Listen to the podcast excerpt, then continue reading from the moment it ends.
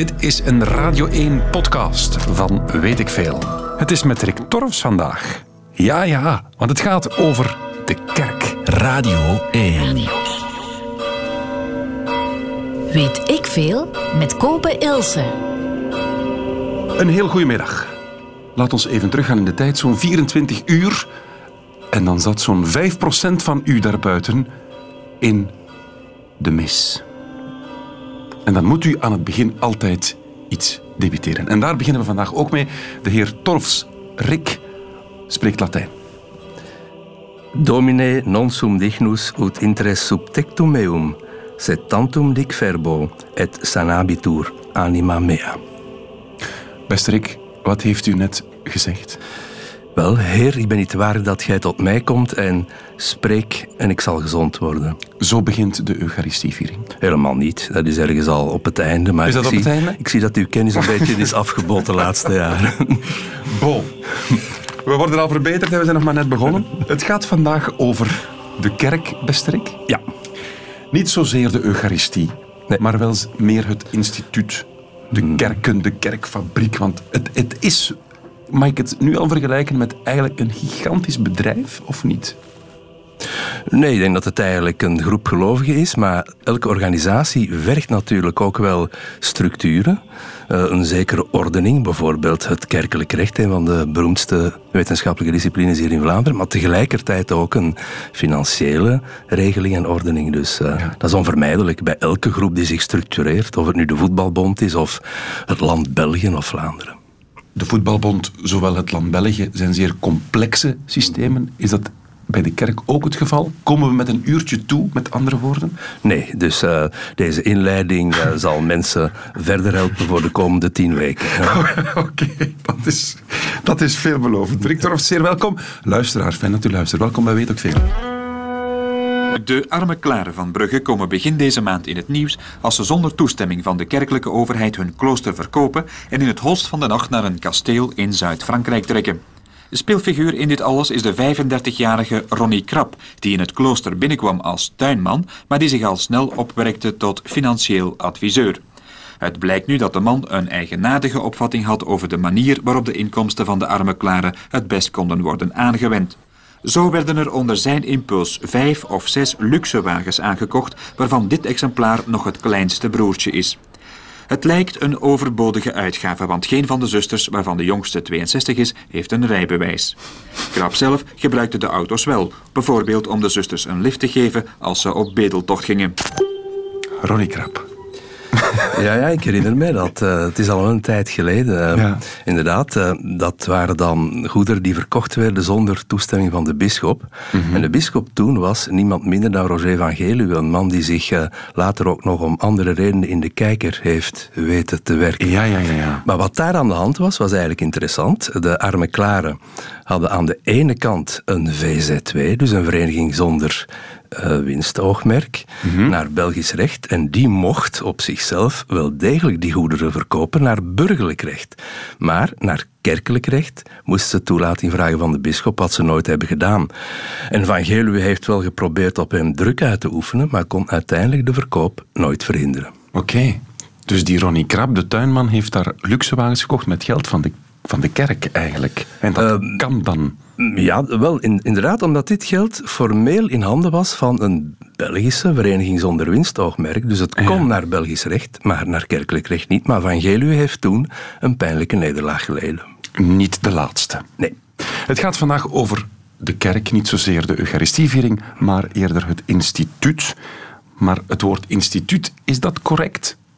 Jawel, dat is één facet van de kerk. hè. Je hebt ook de kerk als gemeenschap van gelovigen. Ja. Eh, maar de kerk als instituut is dan meer de organisatie, hoe die rijlt en zeilt, eh, hoe daar allerlei benoemingen in gebeuren en hoe met geld wordt gewerkt. Het meest tastbare voor heel veel mensen aan de kerk is natuurlijk de kerk, het gebouw. Wanneer is de laatste keer dat u in een kerk geweest bent? Gisteren. U bent naar de mis geweest? Ja, wel toevallig niet. Uh, normaal ga ik elke zondag naar de mis. Maar gisteren... Echt waar? Ja, natuurlijk. Uh, en ik raad iedereen dat ten stelligste aan. Het brengt uh, evenwicht in uw leven. een zielrust die bijvoorbeeld bij relaties met vrouwen en zo al eens verstoord wordt, hoor ik van sommigen zeggen. Wel, in de kerk zelf kan je rust en vrede vinden op gelijk welk moment. Dus u gaat daar niet om te bidden, u gaat er eigenlijk om tot rust te komen? Wat is bidden? kerkbezoek, het, het, het prachtige daarvan is dat je daar alles kan doen. Je kunt in een kerk gaan zitten en luisteren naar uh, rituele gebeden, gezangen die er eeuwenlang zijn geweest. De meeste mensen die die ooit hebben gehoord zijn al lang gestorven. Dat creëert een verbondenheid door de tijd heen.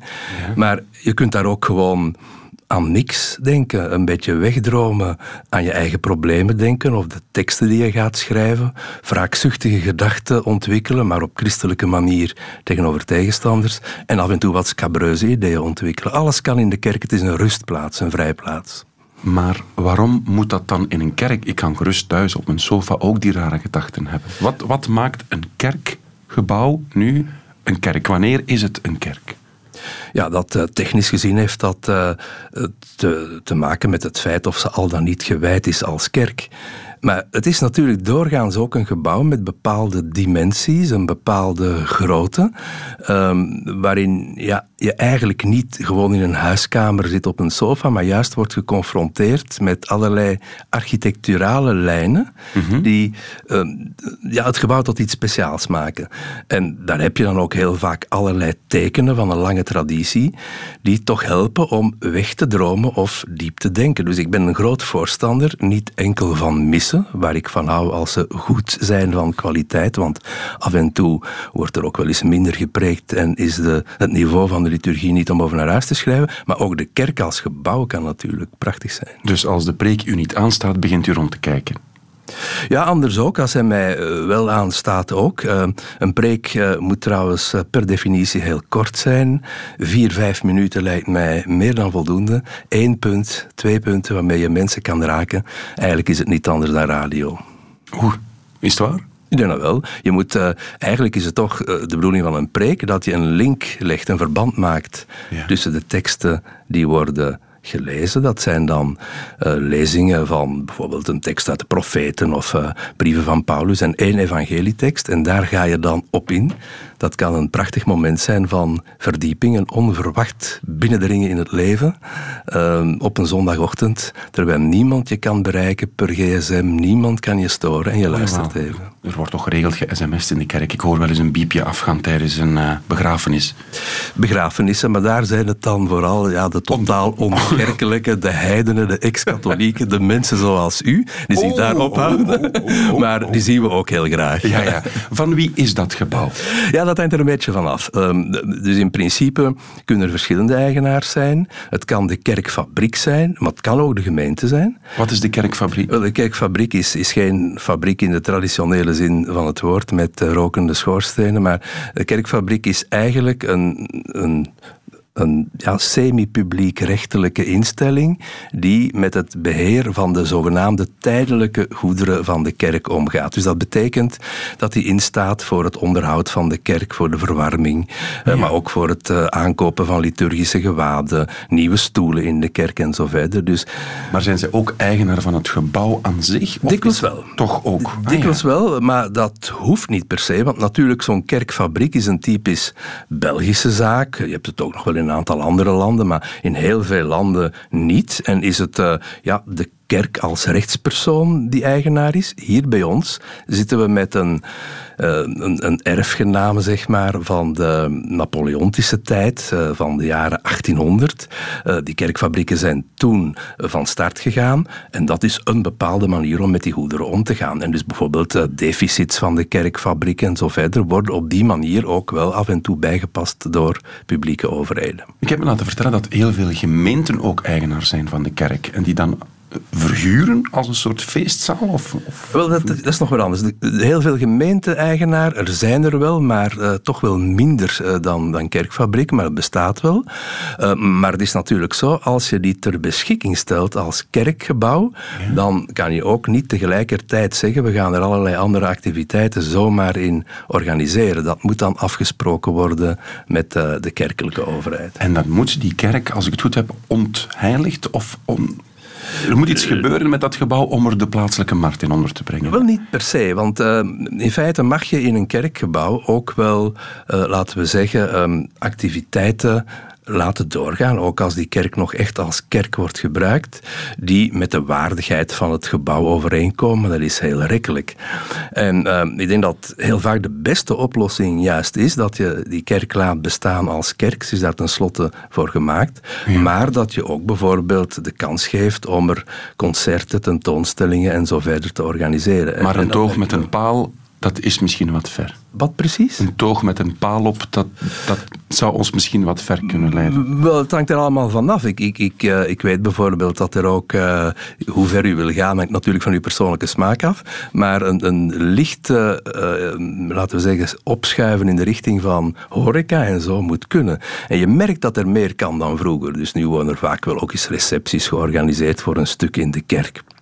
Ik heb bijvoorbeeld zaterdag eh, nog eh, een, een lezing gehouden over een boek, een nieuw boek van een collega die overleden is inmiddels, Rita Geskere, in de abdij van Averbode, in de abdijkerk. Ja, dat is fantastisch. Je hebt een heel mooi gebouw, heel goede akoestiek. Als je daar kan eh, spreken, dat is Oké. bijzonder aangenaam. En Wat is de mooiste kerk volgens u? Kan u een tip geven? ter wereld. Ja, of in België. Goh, dat vind ik heel moeilijk hoor. Heeft u favorietjes? Ehm, je hebt altijd wel eh, wat, wat eh, favorieten, zoals in Rome Santa Sabina en San Clemente. Dat zijn twee heel specifieke kerken. De San Zeno-kerk in Verona. Maar er zijn er heel veel mooie. Ook de Onze Lieve Vrouwenkathedraal in Antwerpen is en blijft een, een prachtige kerk. Mhm. En een kleintje zo? Een kleintje, eh, wel De misschien... kapelleke van Gaverland vind ik persoonlijk. Ja, dat, dat ken ik niet persoonlijk, maar om er eentje te noemen dat ik heel mooi vind, eh, in Musteir, of Mustair uitgesproken, in Graubünden, Zuid-Zwitserland, is er zo'n heel mooi kapelletje met prachtige muurschilderingen uit de Carolingische tijd. Dat is toch een van mijn favorieten. Weg voor een dief in Leuven. Die eh, had een van de twee offerblokken uit de Sint-Pieterskerk gestolen. Maar eh, pech dus, want niet alleen God ziet alles. Er hingen ook bewakingscamera's in de kerk. En in de offerblok zat amper 20 euro. Ja. Een magere buit. Ja, dat is waar. Een mens moet zijn momenten beter kiezen in het leven.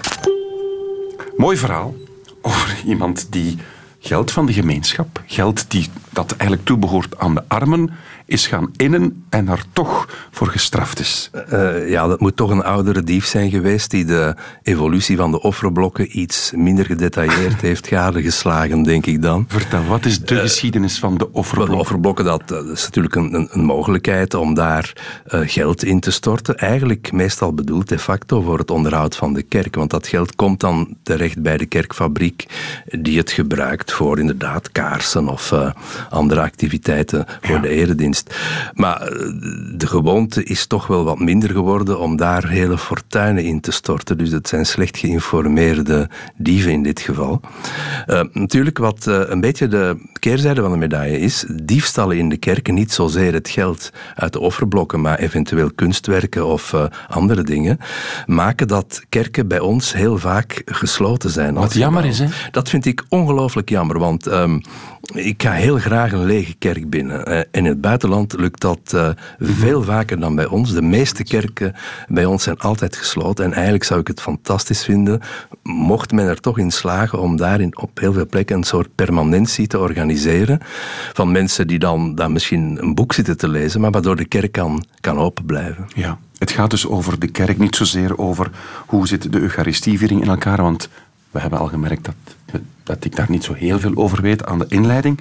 Het gaat eerder over het gebouw, het instituut, de kerkfabriek hebben we al ge- gehoord. Dat is een soort vereniging, een soort bedrijf dat het vastgoed beheert en, en ook het rollend materieel dat in die kerk Ja. zit. Maar laten we nog eens even teruggaan naar de kerk aan zich. Wanneer zijn ze die dingen beginnen bouwen?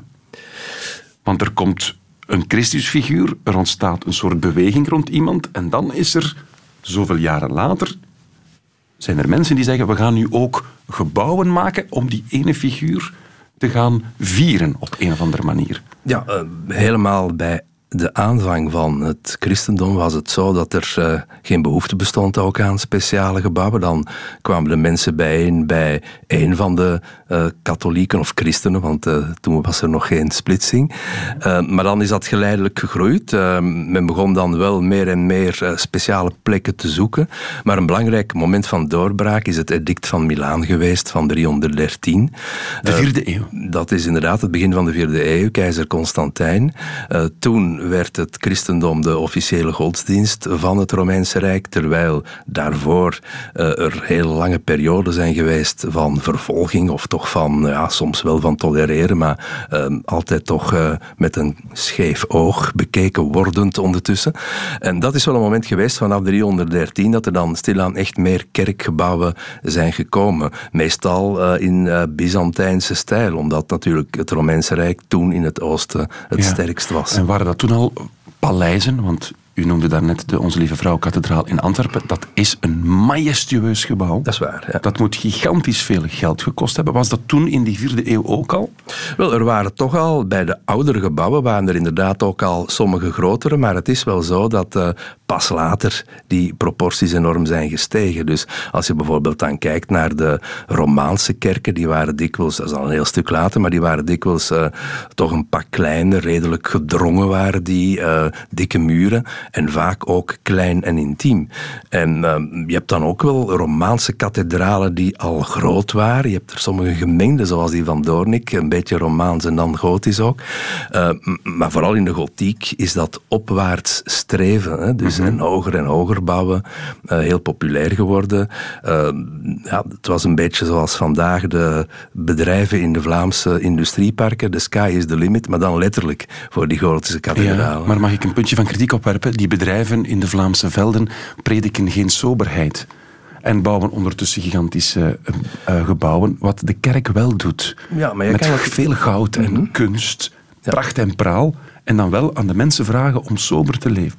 Ja, maar natuurlijk, uh, een kerkgebouw is ook geen paleis. In die zin heb ik altijd veel meer sympathie gehad voor rijkdom en weelde tentoongespreid in een kerkgebouw dan in een persoonlijk paleis van iemand. Dus uh, koninklijke paleizen à la Versailles of uh, Schönbrunn of whatever, de, de, de, grote paleizen van de Queen in Engeland en zo meer. Ja, dat is ten behoeve van de persoonlijke rijkdom van die mensen, van koningen, vorsten en zo verder. Een kerkgebouw is in principe wel van iedereen. Iedereen mag er binnenkomen um, en mag er ook weer buiten gaan. Um, het was ook een plek waar mensen elkaar vonden en verzamelden. Als je ook kijkt op uh, schilderijen van bijvoorbeeld de Nederlandse schilder Sarah Dam. Dan merk je daar allerlei kerkgebouwen waarin mensen rondlopen, praten, waarin honden ook aanwezig waren, huisdieren die in die tijd een bijzonder diep geestesleven leiden. Maar dat is juist het mooie, dat al die dingen daarin kunnen. Wanneer het voor jezelf wordt, is het wat anders. Wanneer je eigenlijk zegt als gemeenschap, uh, investeren we in het spirituele, in het streven naar God, vind ik dat perfect met soberheid te verzoenen. Wat ja. niet wil zeggen dat ik nu meteen een fan ben van uh, Romeinse pausen bijvoorbeeld, die in hun tuin, in de Vaticaanse tuinen, lustpriëlen bouwden, waarbij hun eigen vleeselijke geneugten primeerden op de godsvrucht. Ja, dat is ook want zo. De kerk leeft toch van giften, Ja. leeft toch van subsidies. En om daar dan grote gebouwen mee te bouwen, dat is misschien toch ook niet heel katholiek. Wel, giften en subsidies, dat was uh, natuurlijk niet altijd het geval in het verleden. De kerk heeft uh, momenten gehad van heel grote rijkdom, net voor de Franse revolutie. Van waar kwam die rijkdom wel, heel vaak ook natuurlijk via erfenissen heel vaak, maar ook uh, ja, de kerk die dan al natuurlijk als instituut door de eeuwen heen trok en vaak steeds meer grond verwierf. Dus op de vooravond van de Franse revolutie was het zo dat in bepaalde streken 10% van de onroerende goederen, dat zijn dan bijvoorbeeld ook weide, akkerland en zo meer, dat die in handen waren van het instituut kerk. Dat was inderdaad uh, heel veel. Het werd eigenlijk nooit minder al maar meer. En veel mensen bijvoorbeeld legateerden ook hun vermogen of een deel ervan aan de kerk. Terwijl ze vandaag misschien uh, meer uh, Greenpeace of Artsen zonder Grenzen of uh, gelijkaardige organisaties. Mm -hmm. Wanneer heeft u het gevoel, u als kenner, dat geld de kerk in zijn macht heeft gekregen?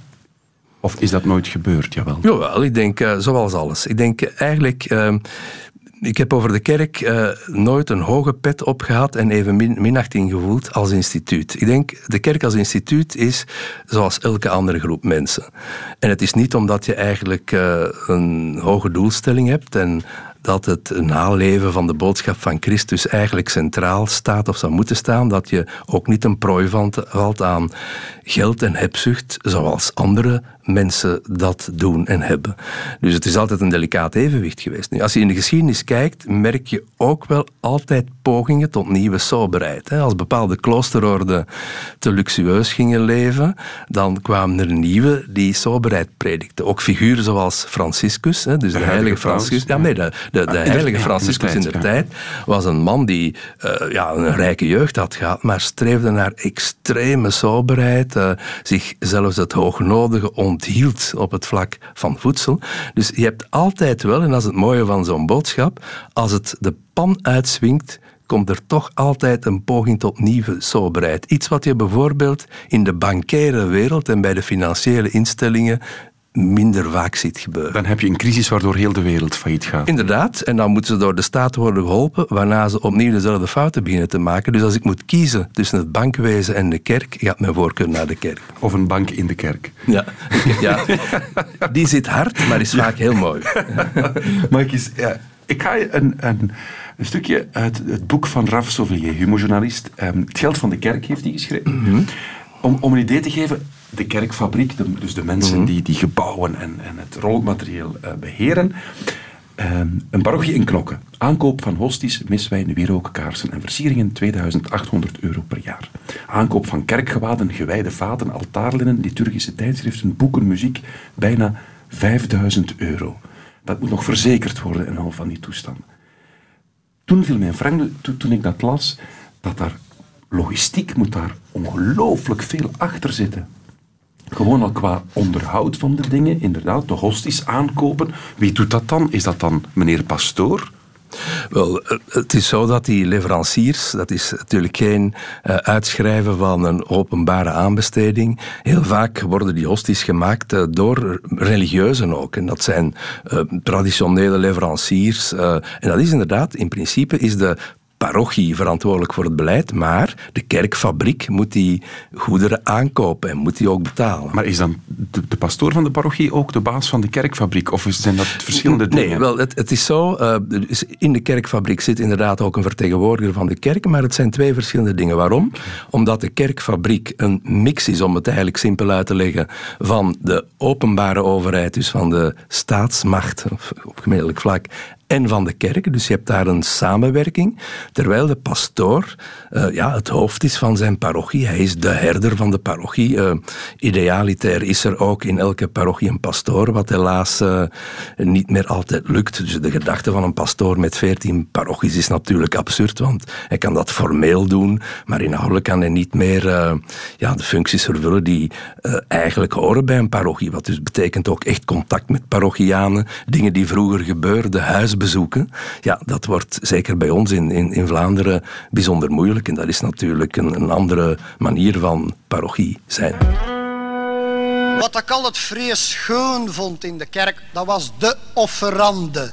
Dat is zo'n onderdeel van de mis. De mensen moeten dan naar voren komen hè, om een offer te brengen. Dus iets uit hun zak weggeven aan de een of de andere van daarboven. Je ziet er wel nooit niks van, maar zij zijn dat toch kwijt. Dat is een mysterie. Urbanus vat het samen. De offerande. Want het gaat vandaag, weet ik veel, over de kerk. Niet zozeer de symbolen, maar eerder het praktische. De gebouwen, wie beheert dat? Wie koopt de, de hosties bijvoorbeeld? Rick Torf zit bij ons. En het gaat nu even over de inkomsten. Het geld dat de kerk verwerft. Onder andere, het zal niet zoveel meer zijn, de offerande. Waarom moet ik een euro afstaan? Of 10 cent of eender wat als ik naar de kerk ga? Ja, het is erg symbolisch geworden. Dus met 10 cent komt u er ook wel uit, denk ik. Ehm, als je ziet, uh, de offerande bij ons is... Uh, ja, natuurlijk wordt er rondgegaan met een mandje waarin geld wordt uh, verzameld. Aan de andere kant um, is dat eigenlijk om de, de gelovigen te betrekken bij de offerande, waarbij dus offergaven worden aangereikt vooraleer dan ehm, via de transsubstantiatie brood en wijn, lichaam en bloed van Christus wordt. Daar komt het op neer. Maar we merken wel dat er bij ons ongelooflijk weinig wordt gegeven. Helemaal anders dan andere landen. Bijvoorbeeld als je kijkt naar de Verenigde Staten of Nederland, uh, waar uh, minder financiële steun van de overheid komt, waar bijvoorbeeld ook uh, de brina's van de eerdienst niet worden betaald, ja, dan moet de kerk wel degelijk self-supporting zijn. En dat kan dan gebeuren door ja, offergaven tijdens de mis. Maar in Nederland is er bijvoorbeeld ook uh, elk jaar, in het begin van het jaar, januari, februari, een actie Kerkbalans, waarbij mensen genereus giften schenken aan hun kerk. En u weet dat uh, bij liefdadige acties bijvoorbeeld, de Nederlanders die nogthans een reputatie hebben van ja, krenterigheid, ja, ons verre overtreffen. Maar daar is het bewustzijn ook, we moeten dat zelf doen. En zeker in de States, waar uh, die mentaliteit er altijd wel is geweest, een ja. beetje business-oriented. Terwijl bij ons er een soort gezapigheid heerst, uh, waardoor die bijdragen van de offeranden eigenlijk verwaarloosbaar zijn op het budget van een kerkfabriek. Hoeveel krijgt de kerk van de staat elk jaar? Weet we, weet we dat? Uh, ja, dat hangt ervan af hoe je dat berekent. Want uh, kijk, je hebt natuurlijk de lonen en wedden en pensioenen van de bedienaar van de eredienst, van zes erediensten en van de vrijzinnige humanisten. Maar daarnaast zijn er ook dingen waarvan je niet helemaal kan weten wat het precies betekent. Neem nu bijvoorbeeld steun aan kerkgebouwen. Ja, dat zijn vaak ook beschermde monumenten, monumenten ja, zodat het heel moeilijk is het onderscheid te maken tussen het religieuze en het culturele. Maar er komt geen blanco cheque elk jaar? Nee, absoluut niet. Hè. Er wordt wel gekeken naar hoe de kerkfabrieken het doen. Deficits worden uh, bijgepast, maar wel alles goed gecontroleerd. En wanneer het dan bijvoorbeeld ook gaat om, om andere steun, wat wel gebeurt, de pastoor krijgt in principe ook een, een woning ter beschikking van de gemeente. Mocht hij zelf een woning hebben, dan moet een bedrag worden uitbetaald om ja. dat te compenseren. In het nieuwsblad stond 76 miljoen euro krijgt de katholieke kerk van Vlaanderen. Zou dat ongeveer zoiets kunnen zijn? Ja, dat hangt er echt vanaf hoe je het berekent. Ja, het is en, moeilijk om daar gewoon ja, een getal dat vind op ik te heel moeilijk. Nu, eigenlijk is dat, als het dat zou zijn, is het een klein bedrag in, in vergelijking met andere kosten natuurlijk, die, die er zijn voor uh, weginfrastructuur, nieuwe fietspaden, verbredingen van de ring van Brussel. Ja, maar dat zijn wel praktische zaken waar iedereen elke dag iets aan heeft.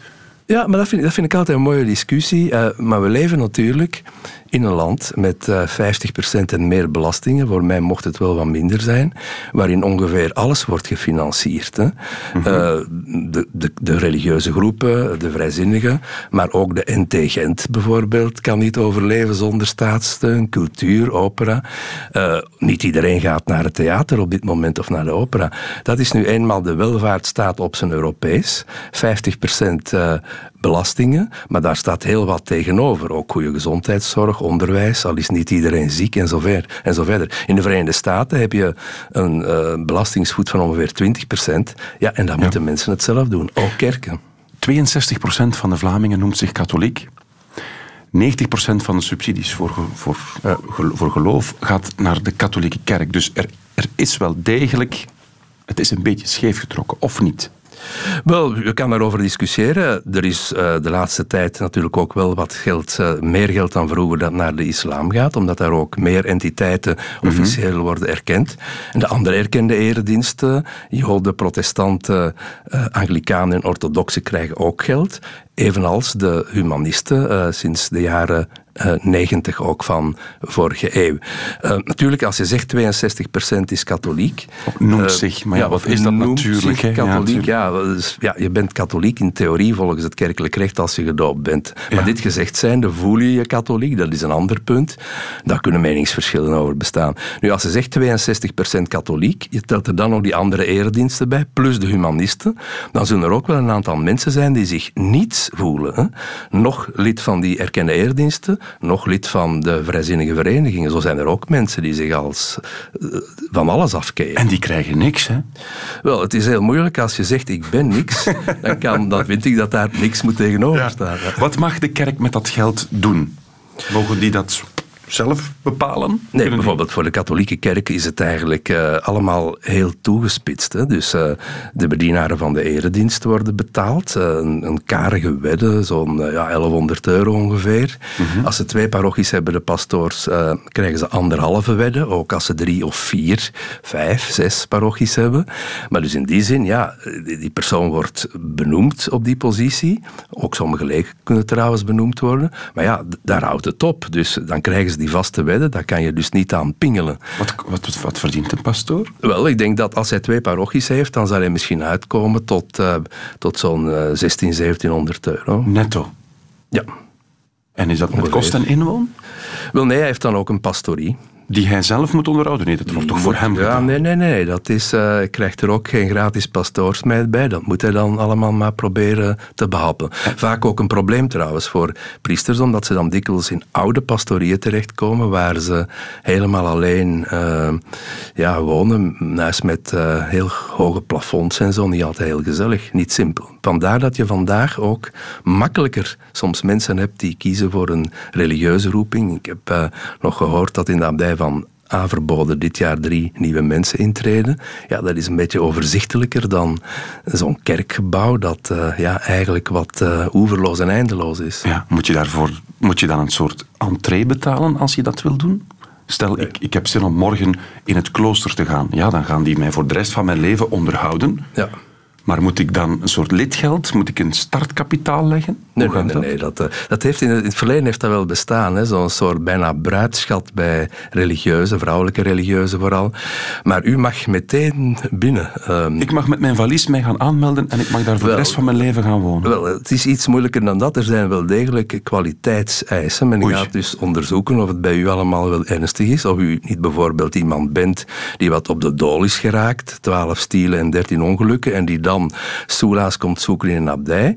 Maar in principe hoef je niet te betalen. Men is wel, dat moet ik wel zeggen, ehm, heel ehm, zorgvuldig bij het opnemen van mensen. Men wil er zeker voor zorgen dat eh, er niet te veel pathologie in die abdijen binnensluipt. Dus schat ik uw kansen 50-50 in. Voelt de kerk het dat mensen minder en minder praktiserend gelovig zijn? Voelt de kerk dat in de portefeuille? Dat, eh, wel, dat is meer het geval natuurlijk in landen zoals eh, Nederland, maar bij ons speelt dat ook wel. Waar voel je dat vooral? Eh, niet zozeer... ja, er zijn natuurlijk minder bedienaars van de eerdienst dan vroeger, dus dat budget daalt wel. Dat is minder onkosten, dat is goed, dat het minder loon dat ze Ja, maar dat is dan de staat die, die in principe Ah, ja. betaalt. Hè? Ja. Eh, maar wat zeker enorm verminderd is, is het aantal giften aan de kerk en eh, legaten, erfenissen. Ehm, bijvoorbeeld eh, veel ongehuwde mensen of mensen zonder kinderen vroeger gaven hun geld aan de kerk. Dan werd er ook wel precies bepaald wie of wat dat dan was. En dat is iets wat je nu eigenlijk quasi niet meer ziet. Ziet u de kerk ooit failliet gaan? Denkt u dat dat mogelijk is? Nee, technisch is dat al niet mogelijk. Wat, wat, wat wel kan, is dat er een soort bloedarmoede eh, ontstaat. Nu, wat ik toch ook moet zeggen, voor alle helderheid, de kerk als dusdanig, eh, het bisdom bijvoorbeeld, de parochie, die hebben geen rechtspersoonlijkheid. In Nederland wel, bij ons niet. En het zijn dus allemaal VZW's die rond de kerk draaien, VZW, parochiale werken en zo verder, die voor bepaalde financiële behoeften zorgen, buiten wat door de overheid wordt betaald. Maar voorlopig kunnen ze nog de facturen betalen. Ik neem aan van wel. Ik ken al die rekeningen niet in detail. Maar de mythe dat de kerk rijk zou zijn, mogen we toch wel ontkrachten. Dat is zeker bij ons niet het geval. Dierbare parochianen. Vinden jullie ook niet dat de mensen tegenwoordig zo zagen en zeveren?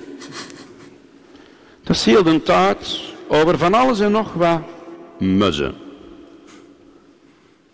En waarover mussen ze dan zoal? Neem nou het verkeer. Je wilde eens een dagje naar de zee, want het ging 25 graden worden. Dus je hebt gedacht, lekker met mijn voetjes omhoog op het strand. Ja, salut. Fantastisch, hè? Ja, ik denk dat dat dus pastoor Mannaerts is uh, van de Sint-Andries-parochie in Antwerpen. Die eigenlijk, uh, ja, dat is eigenlijk een toneelspeler, een beetje een artiest, tegelijk ook een uitstekend priester. Al die dingen gaan wel samen. Een priester, een, een pastoor, moet ook een beetje een, een performer zijn. Mist de kerk dat niet, beste Rick Torfs? Ja, dat denk ik wel. Ik denk... Uh, Seksappeal, een beetje... Uh, het mag toch allemaal wat spannender zijn. Nee? Ja, maar er zijn mensen die uh, nog wel heel goed kunnen preken en mensen begeesteren. Maar ik ben ook niet zo'n fan van mensen van wie de vroomheid afspat, maar wat dan een vertaling krijgt in bijzonder saaie toespraken, wollig en abstract. Hier ja. waren we al heel concreet bezig met die weg naar de zee en hoe dat je daar moet gaan liggen en zo verder. Dat is iets wat al meteen tot de verbeelding spreekt. Maar krijgt dan ook wel weer kritiek, hè?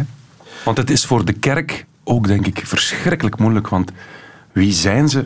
Dat hebben we vandaag al geleerd. Het, het, is heel veel verschillende dingen. Het ding als de kerk bestaat niet. Hè? Nee, het is ook heel. Dat is altijd zo geweest. En ik vind dat uh, ja, het een plek moet zijn waar allerlei mensen aan bod moeten kunnen komen. Mensen die vooral van vrome rituelen houden, van mooie muziek. Linkse wereldverbeteraars. Uh, mensen die juist wat behoudender zijn. Het is altijd zo geweest. De Jezuïeten bijvoorbeeld en de Dominicanen, twee belangrijke orden, hebben elkaar eeuwenlang bikkelaard bestreden op uiterst katholieke wijze. Dat is prachtig dat die variëteit er is. Ik vind die vaak groter in de kerk dan in het maatschappelijk discours dat we vandaag hebben, dat een beetje kleinburgerlijk en moralistisch is. Dus voor openheid zou ik zeggen, kom naar de kerk en verlaat de morele regels van onze profane samenleving. Net omdat het zo versplinterd is, kunnen we, kunnen we zeggen dat de die of die persoon is de baas?